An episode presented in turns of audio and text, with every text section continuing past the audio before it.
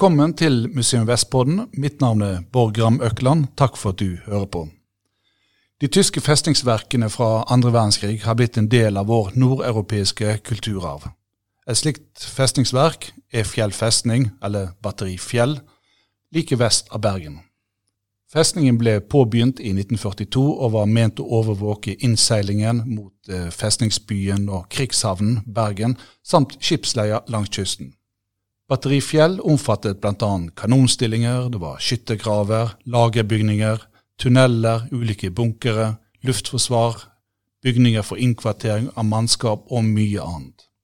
Festningen er i dag godt bevart, og den var i sin tid en av de største tyske festningsverkene i Norge. Og i dag for øvrig fredet av Riksantikvaren. Med meg i studio for å fortelle om byggingen av Batteri Fjell har jeg Vigleg Røkke Mathisen.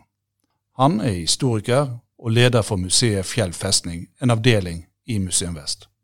Vigleg kjenner historien til festningen godt, og har bl.a. vært medredaktør og forfatter til boken 'Historier fra Fjell festning', som kom ut i 2019. I flere år så har han forsket på og formidlet festningens historie. Velkommen. Tusen takk. Og Batteri Fjell, eller Fjell festning, det var jo en del av den såkalte Atlanterhavsvollen. Hva gikk ideen om Atlanterhavsvollen ut på? Atlanterhavsvollen er jo en uh, like mye et skal si, et propagandaprodukt som en, eh, som, en, eh, som en, realitet, i den forstand at det, det, ble, det, ble, produsert propagandafilmer om dette som et bollverk mot eh, et, et angrep over Atlanterhavet mot Europa. Og, og, tanken var jo da at det skulle være en sammenhengende kjede av festningsverk fra Biscayabukta og nordover langs den europeiske kysten til, til Ishavet. Sånn at eh, vom Spanien nach Eismeer, eh, som tyskerne sa da, eller som er uttalt. Grunnen til at en, en fikk et sånt anlegg, eller et sånt byggeri i utgangspunktet, er jo like mye en, en realitet knytta til at tyskerne ble, ble pressa til å kjempe en tofrontskrig. Planen var jo alltid å, å slå ut eh, England eh, tidlig i krigen. Det slo jo feil eh, tidlig. Etter at en eh, hadde vunnet i Frankrike, så skulle en jo fortsette over til, til Storbritannia, det, det, det, det lykkes en ikke med. og Den ideen eller den planen ble jo egentlig forkasta. Så kom jo angrepet på Sovjetunionen, som på mange måter endte som en fiasko veldig tidlig, med at en ikke klarte å slå ut den eh, sovjetiske armeen, eller Røde armé, så, så, så, raskt som en trodde. Og allerede sånn i, på vinteren, altså november-desember i 1941, så så han jo da at en ikke ville klare å, å overvinne Sovjetunionen i et, i et sånn et lynangrep som en hadde planlagt. da. Og når en da samtidig eh, kom, i, eh, kom, i, eh, krig med, med, med USA, så, så, var det helt åpenbart at en måtte gjøre noen grep. Og, det, og det, Dette er liksom det strategiske, dette er det helt overordna eh, nivået for, eh, for Atlanterhavsvolden. da. Som et, eh, altså For å sikre ryggen sin mot, mot vest, mens en kjemper en, en, en, kamp mot Den røde armé i øst. Mm. Og Fjell festning ble jo påbegynt i 1942. Og, og um, hva, hva, skjer i den, det året der i krigen? Ja, i, i 1942 så, så, må en jo tilbake Så har jo den tyske hæren fremdeles en, en, en, god framgang i, på, på, østfronten. Det, det, det, det store nederlaget som en hadde foran Moskva i 1941 på vinteren, det har en klart å, å, å delvis reversere og stabilisere fronten. I tillegg så har en jo da eh, gått raskt fram gjennom Ukraina og har nådd fram til Stalingrad. Og Stalingrad er jo, et, er jo veldig kjent for mange. Det, er fint, eh, det, skulle bli et vendepunkt, men sommeren 42 så, så, så, så pekte alle piler i rett retning, og en, en regnet med å kunne innta Stalingrad veldig raskt, og dermed da kutte over Volga og den viktige livlinjen som, eh, som sovjeterne hadde nedover Volga som transportåre da. Men likevel så, så ser en jo at eh, Eh, det er nødvendig å starte på denne utbyggingen som jeg nevnte tidligere. Og eh, en, eh, her lokalt så ble det oppretta en byggeorganisasjon som heter Einsatzgruppe Viking. Og Det var et underbruk av organisasjon TOT, som jeg òg må si et par ord om i denne forbindelse. da. Ja, for det er, er, det organisasjon TOT som står bak selve byggingen av festningen? Altså Organisasjon TOT fikk et overordnet ansvar for all utbygging av infrastruktur i Tyskland. det ble organisert som et, som et foretak og en, et statsforetak der en henta inn ekspertise fra de store tyske byggefirmaene i, i samtiden. Sånn at, en, at, at, et stort tysk entreprenørfirma måtte, av, måtte, på en måte gi ansatte til TOT som de kunne bruke i f.eks. bygging av motorveier eller havner, flyplasser osv. Og, så og festninger. Mm. Så de bygde ikke bare festninger i Norge, men det var infrastruktur, på en måte? Ja. Tyskerne mente da, eller Den tyske okkupasjonsmakten mente at utbyggingen av uh, infrastruktur i Norge det hadde en særskilt prioritet. og da gjerne, Først og fremst jernbaner. En hadde jo et ønske om å bygge en jernbane nordover helt til Kirkenes fra Oslo. Nordlandsbanen, den dagens Nordlandsbane går delvis på en tysk trasé. Eh, I tillegg til det så var det jo havneutbygging som var veldig viktig, og, og, flyplasser. Mm. Men, men, du nevnte en organisasjon, var det Viking du sa? Ja, Einsatzgruppe Viking. De, de, de, ble skilt ut som et underforetak, for å si det sånn, som hadde ansvar for utbygging av havner, veier, eh, flyplasser og festninger i Skandinavia. og Det vil da si Danmark og Norge. Og Var Det var de som var på fjell? Nei. Eh, eh, Viking hadde hovedkvarteret sitt i Oslo. Eh, og så opprettet han et nok et underbruk, for å si det sånn, som het eh, Oberbauleitung Vest. Altså, ja, hvordan skal jeg oversette det til norsk? En slags byggeorganisasjon vest, som hadde hovedkvarter i, i Bergen. Og det var denne vestgruppen, da, eller denne vestdelen da, i organisasjon Totto Viking som fikk ansvaret for utbyggingen av bl.a. fjellfestning. Tyskerne de er jo eh, kjent for effektivitet, og eh, de hadde jo et såkalt uh, Regenbauten-system. Når, når det gjaldt bygging av festningsverk, hva betydning hadde dette systemet for fjell? Dette, veldig, dette, gjorde jo at en kunne komme raskt i gang med bygging. Og en hadde jo bygd allerede før krigsutbruddet i 1939 så hadde en jo allerede bygd en to eh, viktige festningsverklinjer. Den såkalte Sigfrid-linjen mot eh, Frankrike og ja, Nederland, Nederland, og sånn. Og så hadde en òg en Ostwall eh, på grens, den daværende grensen mot Polen. Og, og her, den, disse to ble bygd ut med regelbau. Og regelbau kan en jo forstå som et slags Ikea-system for festninger. Altså eh, mye ferdigbygd som da ble satt sammen på byggeplassen. Altså Hadde man et lager på en måte av det man trengte til å bygge en festning? da? Eller? Ja, det lå et sentrallager i Tyskland delvis, men mye av innsatsvarene, sånn betong osv., så det måtte en jo produsere. Men det fantes jo eh, ståldører og ja, gassluser og forskjellige ting som på en måte fantes, eh, og som kunne da fraktes rundt i Europa eh, der en trengte det. Så hvis du har arbeidskraft, og, så, så går det relativt fort å sette opp en festning? Det gjør det. Eh, det som tar tid, og det som tok tid i Norge, det var jo nettopp det at jeg måtte sprenge til.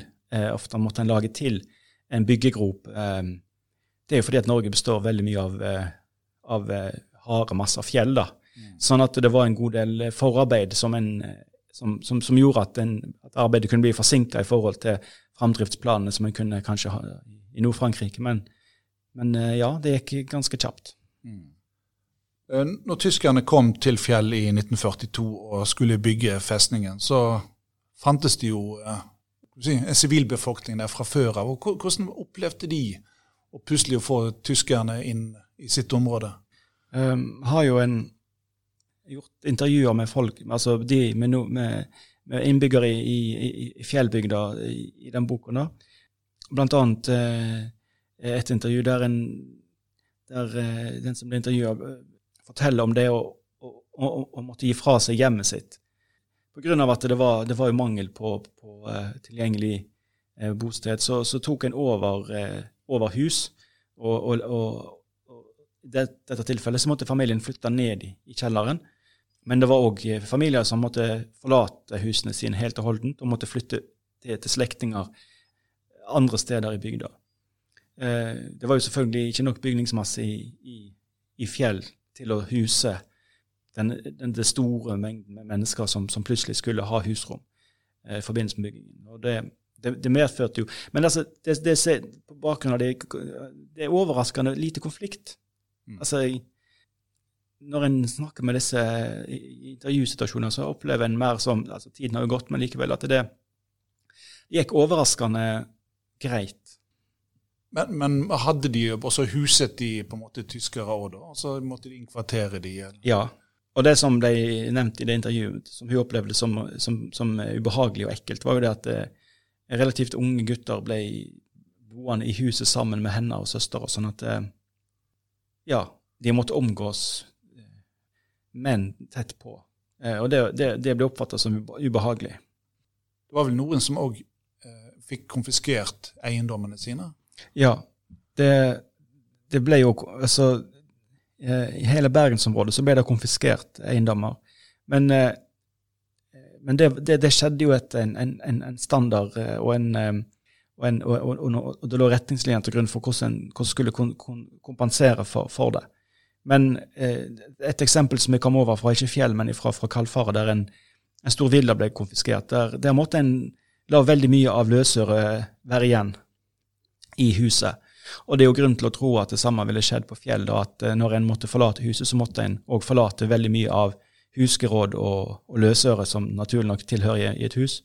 Møbler osv. Og, så og, og en fikk ikke kompensert fullt ut for det. Så det, det, er, et, det er, både et økonomisk tap, men det er jo selvfølgelig òg et, et, et, mer sånn følelsesmessig tap. Det å, å måtte forlate hjemmet sitt det eh, Selv om det ikke nedfeller seg som en direkte konflikt, så er det jo helt åpenbart eh, traumatisk å måtte forlate sitt eget hjem.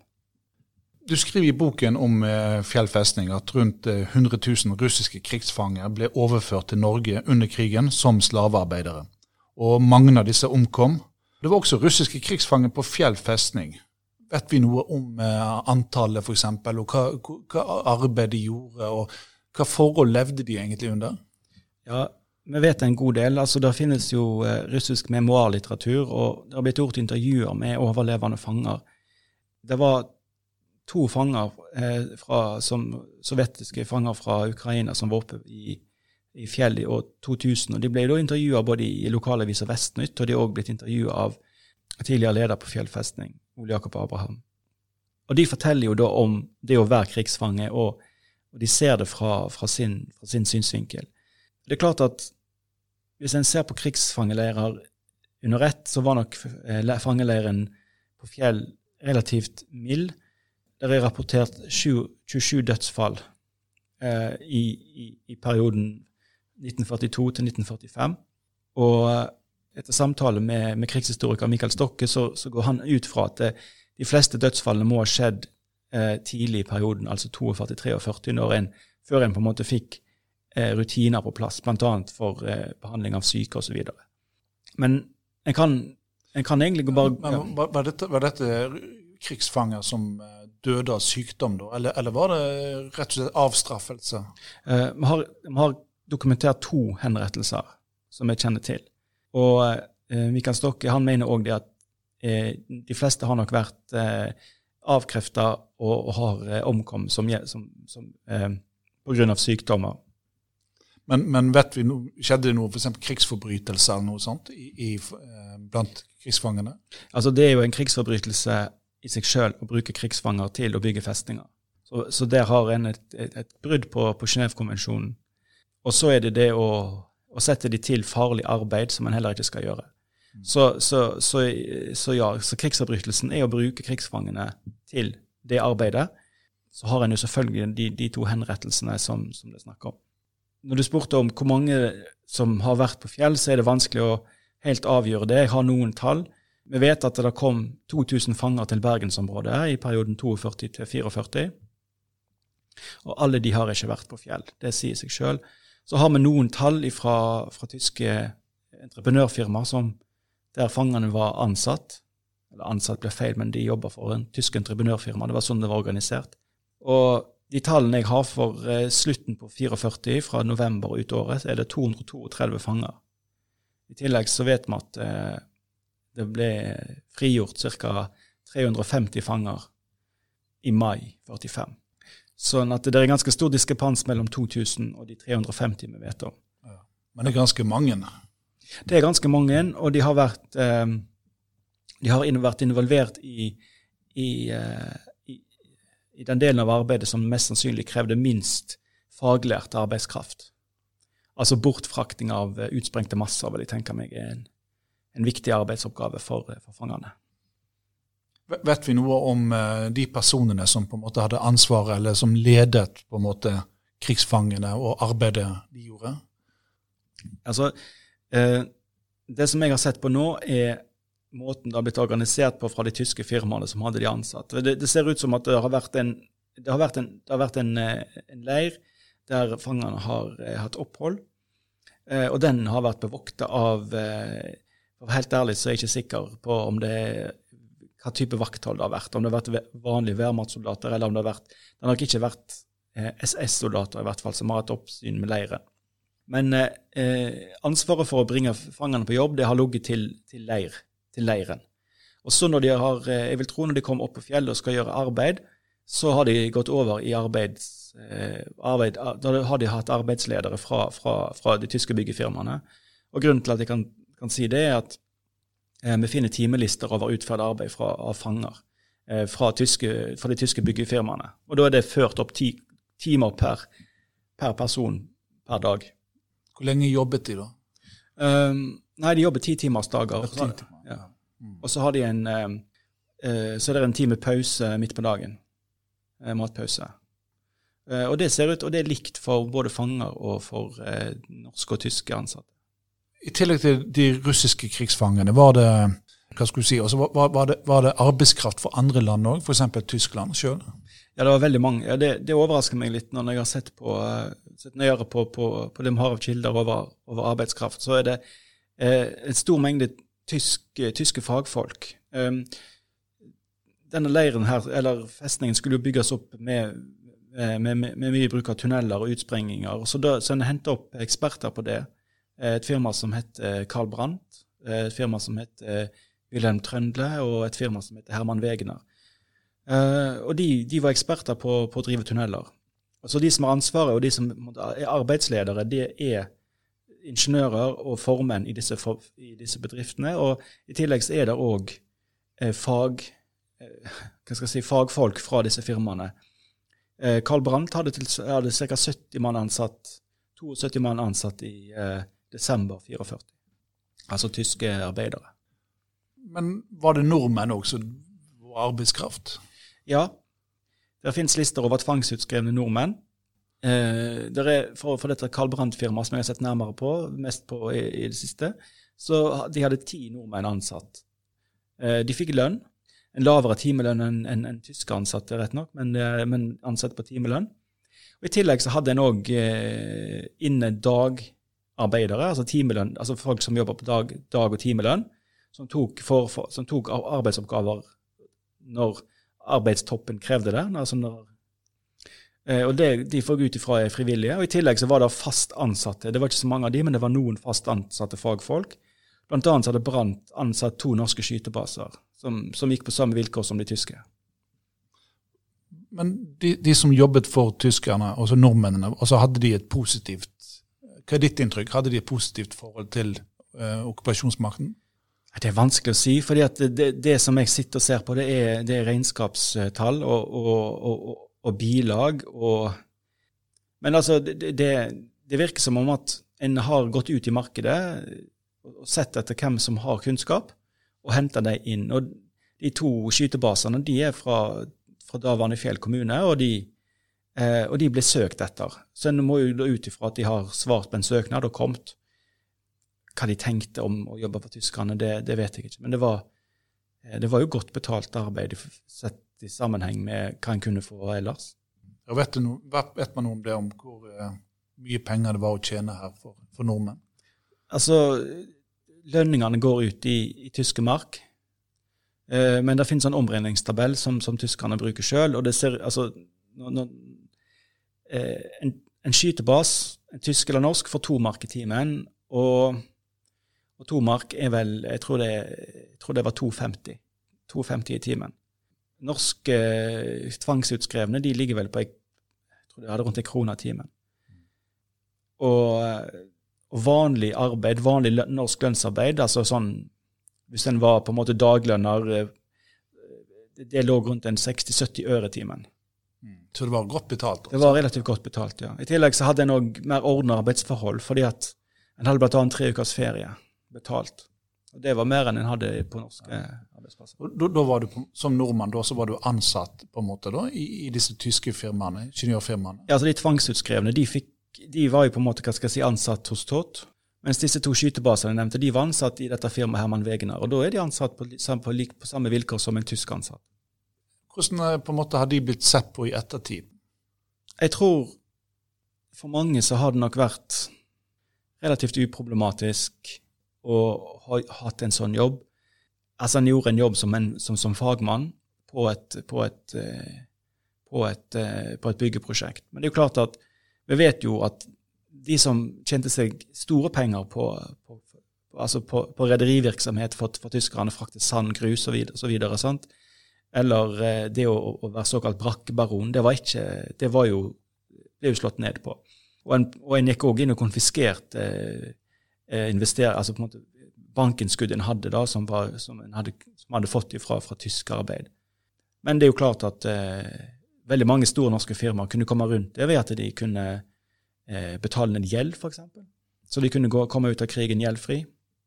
Det er ikke meg kjent at, det, at, at represaliene mot mot brakkebaroner eller, eh, eller redere som, som, som, seilte for tyskerne under krigen, var så veldig omfattende.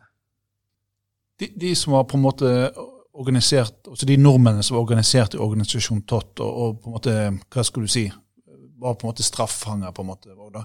Eh, hva, vet du noe om bakgrunnen deres?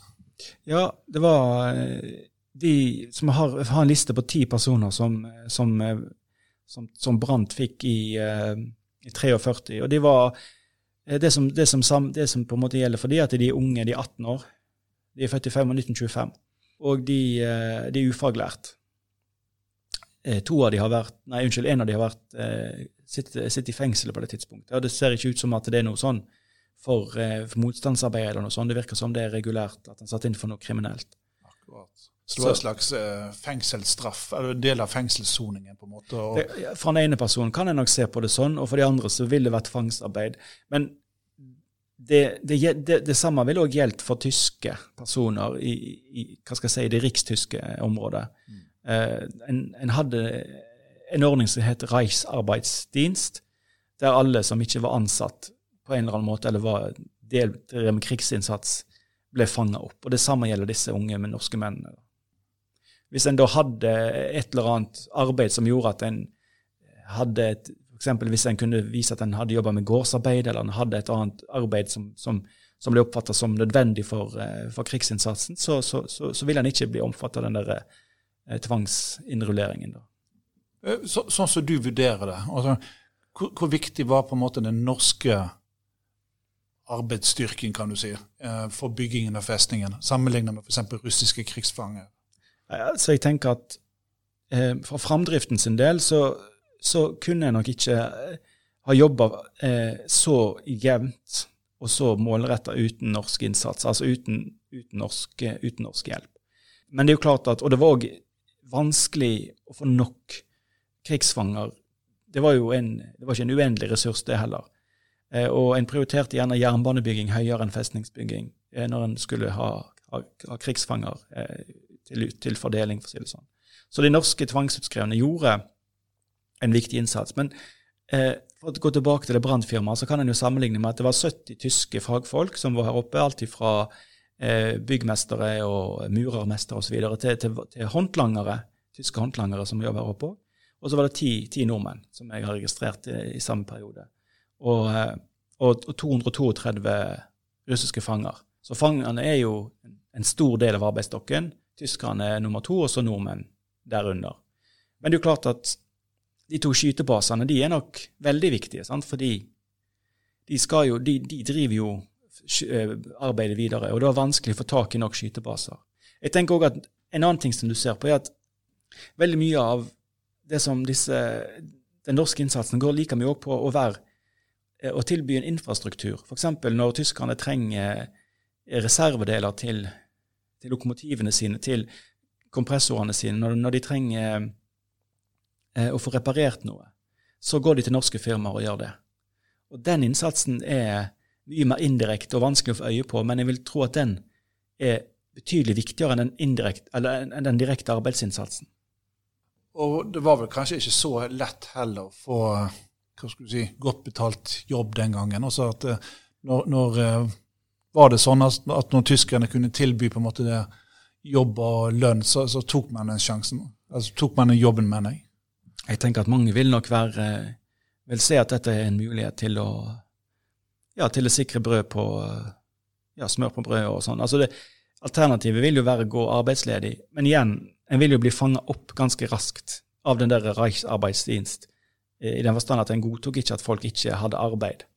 Så hvis en da ville unngå tysk arbeid, så måtte en jo på en eller annen måte komme seg inn i et arbeid som ble oppfattet som krigsviktig, eller at en måtte ja, forlate landet. Og Fjell festning ble jo påbegynt i 1942. Men eh, ble han egentlig ferdig? Eh, nei, den gjorde nok aldri det.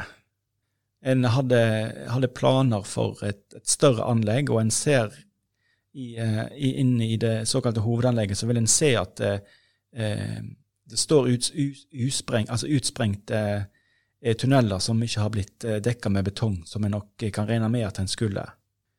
Hovedanlegget, sånn som det framstår i dag, er nok et resultat av arbeid fram til desember 1944. Men hvor lenge hva, altså, hva dokumentasjon har du på en måte de siste på en måte, arbeidene? på en måte? Altså de siste, altså de, de, de arbeid fram til eh, desember 44, siste regning datert eh, 31.12., det er på sprengningsarbeid og betongarbeid i hovedanlegget.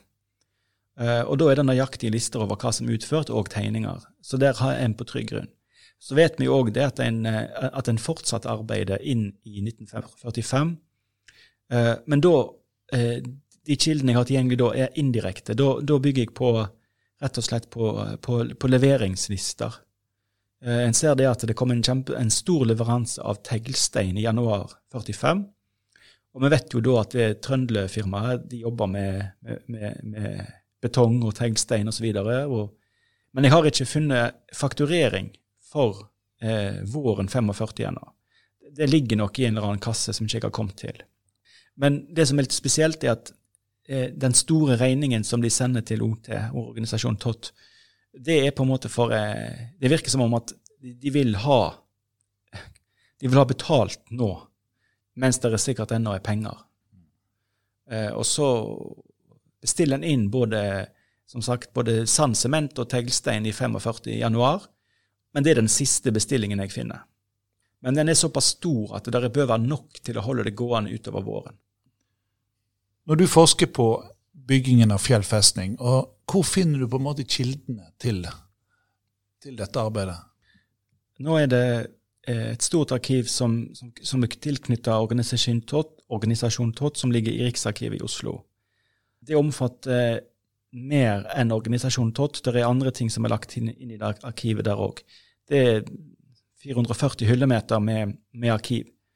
Eh, har, har, du full oversikt over eh, Det er jo enorme mengder, da? Nei. Jeg har, eh, jeg har jobba med dette i, i, to perioder, nå, nå, nå sist eh, for en ukes tid siden. Og eh, jeg har vel egentlig kommet så langt nå at jeg har oversikt god nok til at jeg vet hvor jeg skal leite. Ja. Og det er ikke så verst, bare det. Nei, det, og du finner sikkert nye ting uh, ut nye ting fortløpende, da? Ja, du kan si at eh, jeg satt oppe på Riksarkivet, og plutselig så kom jeg over eh, det som tyskerne kaller for en sånn avslutningskvittering. Og når jeg skjønte at dette var, når jeg skjønte hva dette var for noe, da begynte jeg nesten å ta en liten sånn krigsdans der inne. For man har lurt så lenge på hva har dette anlegget kosta, når, når, var hva ferdig? Eh, originaltegninger. Og her ligger det bunke på bunke på bunke med såkalte eh, avslutningsregninger eh, på norsk. da. Og, og, der er det på en måte sånn, så detaljert. Det er, på, det er liksom på mutter- og skruenivå. Så med, sånn at vi har gått gjennom alle de, så kan vi egentlig rekonstruere byggingen av fjellfestning. Her er jo kjempepotensialet. Ja, ligger, her ligger det et stort potensial. Og, og, eh, jeg har sett på tre firmaer. Der har vært eh, ti firmaer inne. Sånn, så det er sju firmaer igjen som jeg ikke har sett på. Ja. Og, og firma, altså, altså, det er både tyske og Nei, bare tyske firmaer. Bare, bare tyske. Ja. De norske firmaene de er, de er kun synlige gjennom, eh, altså, gjennom tyske firmaers eh, eh, gjøren og laden. De dukker opp som, eh, som underleverandører. Ja, akkurat. Ja, men her har du eh, mange år med, med forskning for deg, da. Ja, og det som er spennende, er jo at en, en, en begynner med fjellfestning, og etter hvert så, så får en et, et, blikk for at dette handler jo om fjellfestninger. Vel, men det som er interessant her, og det som er interessant også for den tyske okkupasjonsmakten, er jo Bergen og, og forsvaret av, av, byen Bergen. Og Det er jo alltid det som ligger til grunn. Eh, så, sånn at eh, det, som er, det, som er, spennende her, er jo på en måte å se og skrive den store boken om det tyske nærværet i Bergen. Ja. Har du planer om det, eller? ja, det, det, kunne jeg godt tenkt meg å, å jobbe med. Det, det, det Eh, det spenner fra de store tingene, som flyplass på Herdla, bunker, eh, ubåtbunker på Laksevåg, til titalls, kanskje opp mot hundretalls eh, luftvernsstillinger, eh, bunkere, ammunisjonslagre. Det er et enormt byggeri som foregår i og rundt Bergen altså, i denne perioden. Dette må vi få høre mer om i Museum Vestpodden når den tid, tid, kommer. da. Vi har snakket om at festningen på en måte ble på en måte ikke fullført, sannsynligvis. Og Eh, I dag så er det jo et museum eh, der du er leder. Og eh, det er kafé og utstillinger i Kanontårnet. Og festningen ligger jo et flott friluftsområde som mange besøker, Fjellparken. Og med utsikt over eh, skipsleier, bl.a. Og når besøkende kommer nå til fjellfestning eh, i år, er det, hva utstillinger kan han kan man på en måte se der da? Nei, Nå, altså, nå har vi jo eh, ganske store planer for, eh, for det kommende året. Vi, vi, har en utstilling i, eh, i den såkalte kanonbrønnen. altså det, den, den sylinderen som, som, rommer kanonen, som en gang sto der, den er jo borte. Men i, i disse rommene eh, så har vi da utstillingslokaler. Og vi, vi tenker å, vi, skal tilby en ny eh, utstilling om skipet. Gneisnau, en ny digital utstilling som skal, skal monteres. og skal være klar til, eh, til eh, i, juni. Mm. Og Gneisenau, det er fordi at kanonene sant? Nettopp. Skipet Gneisenau, slagskipet Gneisenau, kanonen som sto på fjell, kom fra det skipet. og Vi forteller den historien om det skipet i den utstillingen, en ny, ny utstilling som åpner nå i juni. I tillegg så har vi da en, en, en flott uh, uh, kunstutstilling som åpner i, i, april, der vi tematiserer festningen på en, på en ny måte. Vi setter den inn i en ny sammenheng med samtidskunst. Eh, og utover det så har vi jo våre vanlige omvisninger eh, på søndager. Ja, Neimen, Så bra. Så ta turen til eh, fjellfestning. Opplev naturen, opplev historien. Takk til deg, Vigleik Røkke Mathisen, leder for eh, fjellfestning, en avdeling altså, i Museum Vest. Og takk til deg som hører på. Og vil du laste ned podkastene våre, så finner du de på Spotify, eller du kan òg følge Museumspodden. På gjensyn.